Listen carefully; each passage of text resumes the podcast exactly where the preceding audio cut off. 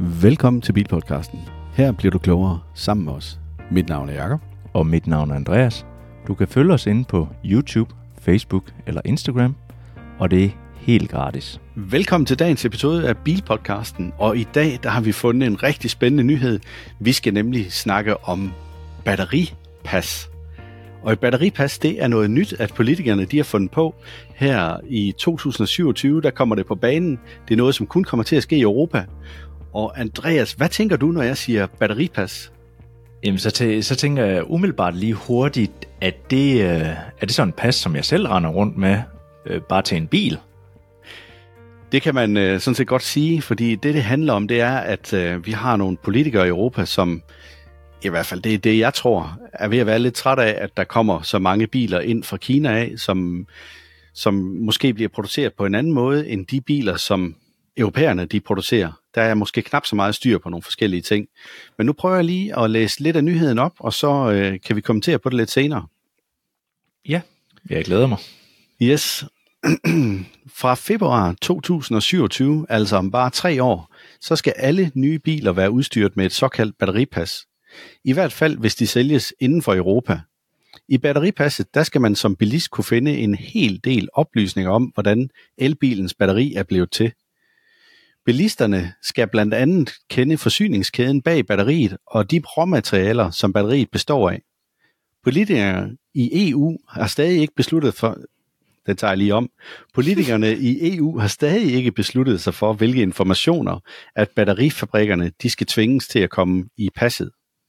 Men det ligger allerede nu fast, at batteripasset er noget, der skal finansieres af det tyske økonomiministerie, der i samme ombæring har taget mærkerne som Audi og BMW med på råd. Og så kan jeg ikke lade være med at tænke på, om det måske er et tiltag for at få udlignet de her konkurrencefordele en smule, som jeg også lige sagde i vores indledning, og så lave mere gennemsigtighed i forhold til miljø- og klimabevidste købere, som måske også tænker lidt på arbejdsforholdene. Eller hvad tænker du, Andreas? Altså, jeg, jeg, jeg synes jo egentlig, det er, det er meget fedt, fordi at øh, den der store debat, når man står og snakker med nogen, som øh, kommer øh, eller kører i en brændstofbil, fossilbil, øh, det, det er jo altid, ja ja, men det er, det er så dårligt for miljøet og alt det der, så, så er det meget fedt, man lige kan hive et pas frem og så sige, jamen, jamen det er rigtigt, der er måske lige det her, der er dårligt, men ellers så kan du jo så se resten. Det, det, er, det er ikke mange fossilbiler, der får, øh, får det sådan. ja, nu kan jeg godt høre, at allerede nu, der, vi har jo snakket lidt om, hvad det her batteripas det indeholder osv., og jeg tror, ud fra noget af det, du sagde der, så øh, det kommer vi ind på lidt senere. Ja. Det her med, at man lige kan slynge passet op og så sige, jamen prøv at se her, det er måske ikke så slemt, som du går og tror. Ja, altså, men øh, jeg må da indrømme, at øh, jeg, jeg kan virkelig godt lide tanken om det her. Også fordi, at vi har været inde på det her med, at øh, Kina har det måske ret så nemt lige pt. Øh, i forhold til øh, sådan noget som øh, tvangsarbejde og, og øh, oplæringscamp, tror jeg de, de kaldte det. Der var nogle nyheder for nogle år siden, hvor at, øh, det, det, det altså var et problem, at man, man ikke rigtig kunne spore øh, solcelleproduktionen helt i bunden. Og der, der var der jo flere store producenter, som blev importeret fra øh, Kina af, altså deres solcellepaneler, som havde tvangsarbejde med i uh, produktet. Det er og så kaldte, de det, så kaldte de det oplæringscamp, eller hvad sagde du? Ja, det, helt nøjagtigt, så kaldte de det, nu skal, nu skal jeg lige se, hvad det hedder. Øhm, ja. Altså, umiddelbart så tænker jeg, at det er et meget, meget fint øh, ord for tvangsarbejde. Ja, altså genopdragelseslejre. Ikke også? Genopdragelseslejre? Ja.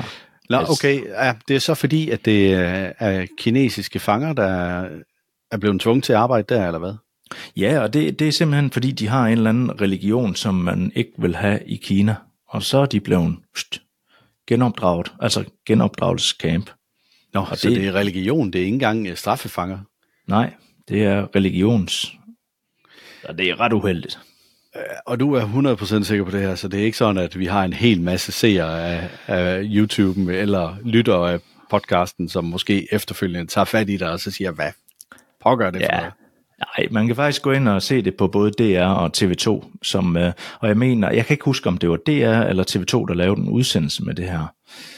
Øh, Okay. Men øh, det kan man gå ind og se. Yes. Men det er, jo, det er jo det, et pas måske kan dem op for, tænker jeg da. Ja, ja, men det kan det da helt sikkert, men det kommer vi ind på nu her. Jeg prøver lige. Ja. at fortsætte lidt med, med nyheden. Ifølge teknologivirksomheden Sicoler, Sicoler, det er meget et meget specielt ord at sige, vil jeg sige, kommer der nye batteripas, eller kommer de nye batteripas til at koste imellem 7 og 12,8 euro. Alt afhængig af, hvad det er for en bil, at batteripasset skal være til.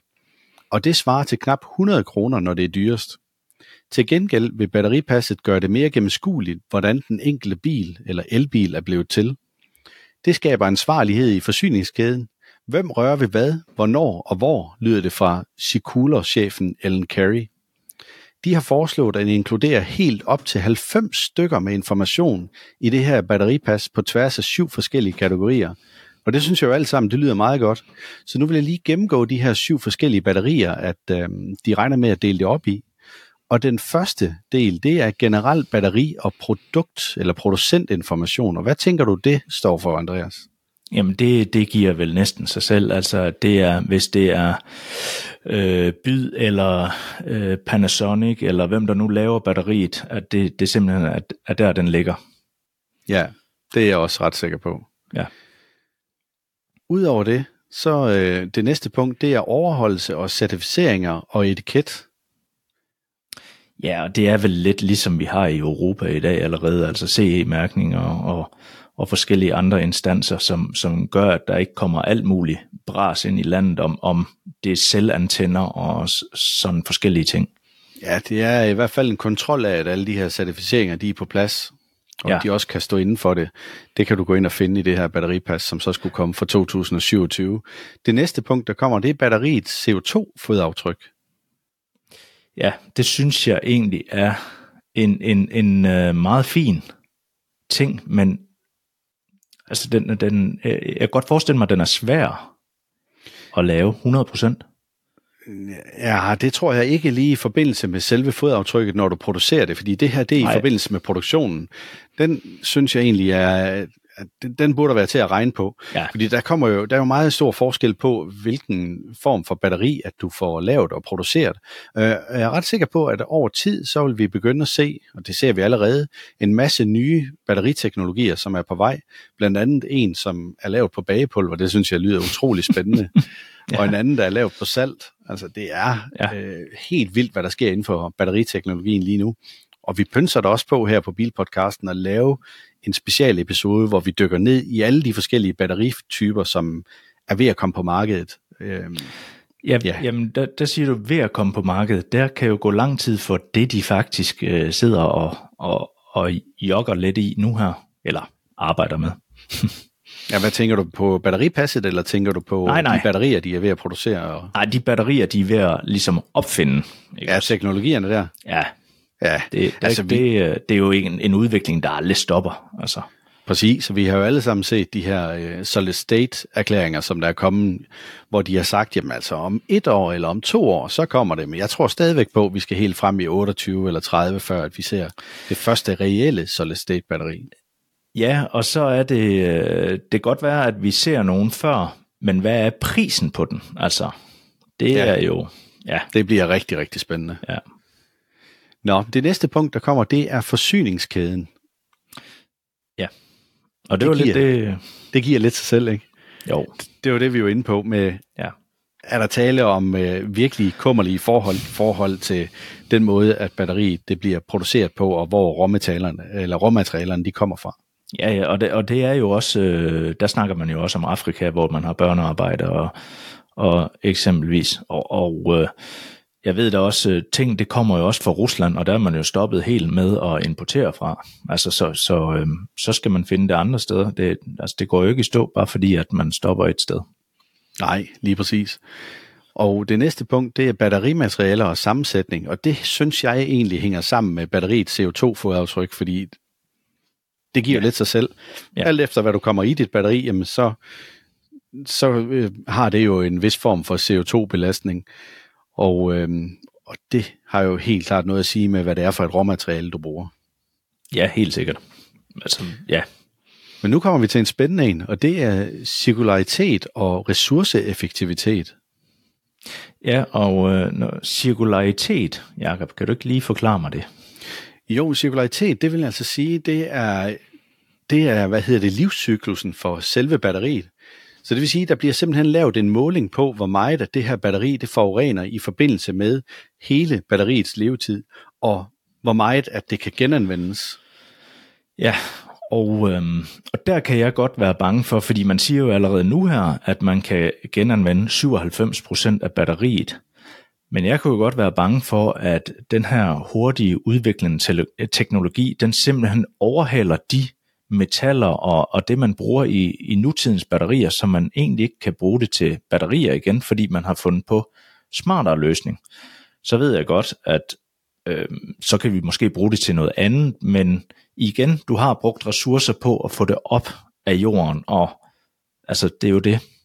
Men lad os lige tage det sidste punkt med her, inden, at vi, uh, inden vi lige runder episoden af her i forbindelse ja. med nyhederne. Og det er ydeevne og holdbarhed. Og ja. ydeevne og holdbarhed, Andreas, hvad tænker du, at uh, de vil have med der i forbindelse med det her batteripas? Jamen altså holdbarheden, den, den giver jo sig selv. Altså hvis øh, holdbarheden den er ringe på et batteri, jamen, så stiger CO2-aftrykket jo kanont og, og, og det dur selvfølgelig ikke. Øh, ydeevnen, det, øh, det tænker jeg, man, man måske producerer, mm, ja, altså, jamen, det ved jeg ikke helt, altså ydeevnen på, på det her, der... Altså jeg tror, at det er et spørgsmål om, hvor, at der bliver lavet nogle målinger på, hvor meget du maksimalt kan lade på batteriet, og hvor hurtigt mm. du kan aflade det igen. Jeg tror, at der kommer et eller andet form for tal eller noget i batteripasset på den del også. Ja, og ja. fordelen ved det, det er jo, at så bliver der lige pludselig gennemsigtighed i forhold til det her med, når du skal købe en brugt elbil en gang, men så kan du gå ind og se, jamen, hvor hurtigt kunne den oplade og, og aflade, og hvad kan den reelt nu, når du øh, får bilen senere hen.